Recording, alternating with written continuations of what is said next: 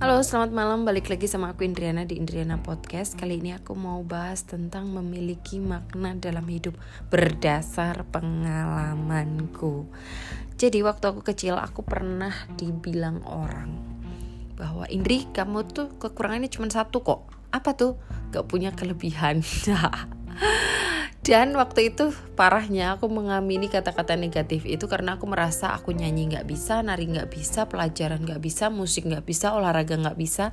Jadi aku ngerasa kayak oke, okay, kayaknya memang aku orang yang nggak dikasih kelebihan sama Tuhan gitu. Dan itu mempengaruhi psikologisku sampai aku jadi orang yang insecure sama diri sendiri gitu tapi orang nggak akan nggak nggak banyak yang tahu kalau aku tuh orangnya insecure karena aku kelihatannya ya punya banyak banyak teman terus ikut geng yang terkenal di sekolah kayak gitu-gitu. Tapi sebenarnya aku orangnya defensif gitu. De mungkin aku tidak menyenangkan bagi teman-temanku. Mungkin sebenarnya teman-temanku juga nggak suka sama aku mungkin pada saat itu gitu.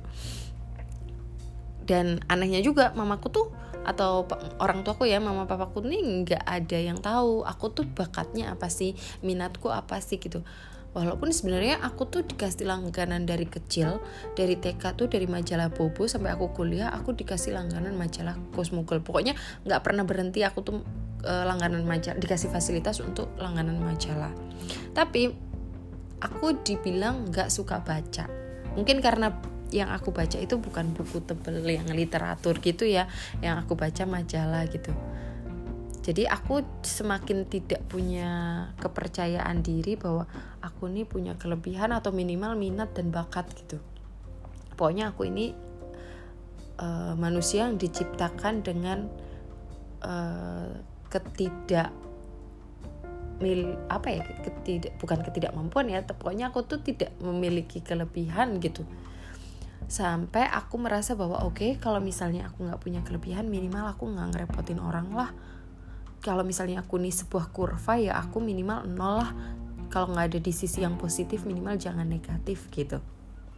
Makanya aku kalau ngapa-ngapain aku riset dulu uh, mencegah supaya aku di ke depannya itu nggak ngerepotin orang supaya aku tuh tahu mitigasi resikonya kayak gitu gitu jadi untuk melakukan apa pun tuh pasti aku akan me mempersiapkan jauh-jauh hari dulu kayak gitu. Itu udah aku jalanin dari aku kuliah mungkin ya sampai aku menemukan titik itu gitu.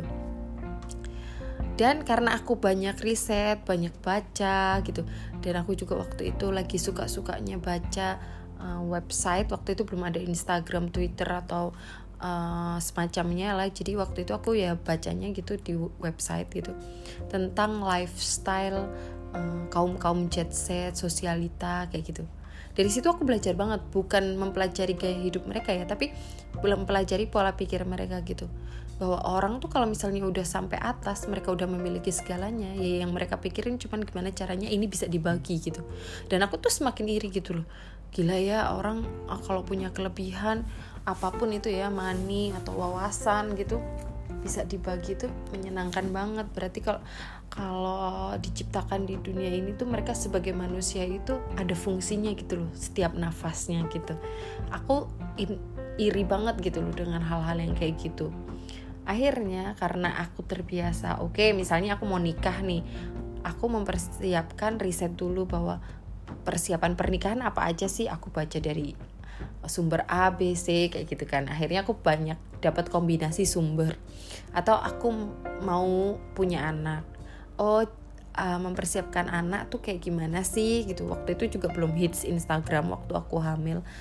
Uh, jadi Uh, ternyata yang bagus nih dikasih ASI misalnya kayak gitu.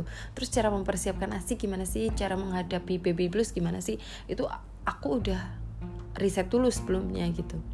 Setelah aku praktekkan walaupun itu agak sulit aku kan ketemu kendalanya gitu. Oh jadi pada umumnya kendala orang itu ini ketika menghadapi baby blues gitu. E, cara pencegahannya ini kayak gitu. Nah aku merasa bahwa aku oh oke okay, berarti ada sesuatu nih yang bisa aku bagi ke orang.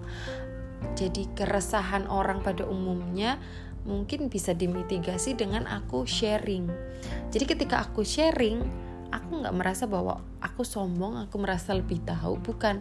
Tapi karena aku tahu dan aku pengen punya makna dalam hidupku ini bahwa aku tuh pengen Tuhan kasih aku nyawa itu ada manfaatnya di bumi ini gitu. Jadi aku share. Aku selalu share aku selalu tulis aku selalu mm, posting apa sih uh, wawasan yang aku dapat apa sih ilmu yang aku dapat gitu yang bisa bermanfaat buat orang lain. Dari situ aku juga nggak pernah terus ngeliat followerku berapa atau aku bicara sama dua atau tiga orang.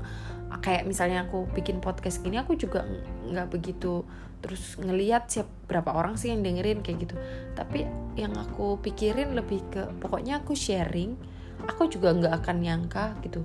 Dari misal followerku berapa cuman berapa gitu nggak sampai seribu tapi mereka bisa salah satu dari mereka mungkin ada yang perlu informasi dari apa yang aku share gitu.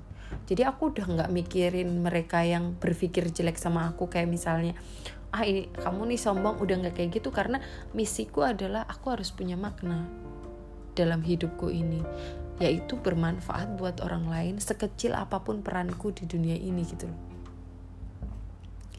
Jadi um, walaupun misalnya kita nih belum punya banyak uang untuk jadi filantropis kayak Bill Gates misalnya gitu atau kayak kaum jet set mana pun gitu yang punya banyak uang terus mereka jadi filantropis. Kalau kita belum bisa punya banyak uang minimal kita bisa sharing apa yang kita tahu. Dan kita tahu bahwa itu bermanfaat buat orang lain. Bukan buat apa-apa. Buat kita merasa bahwa kita nih di dunia ini ada manfaatnya. Itu aja sih sharing dari aku malam ini. Cukup singkat tapi semoga bisa bermanfaat. See you on my next podcast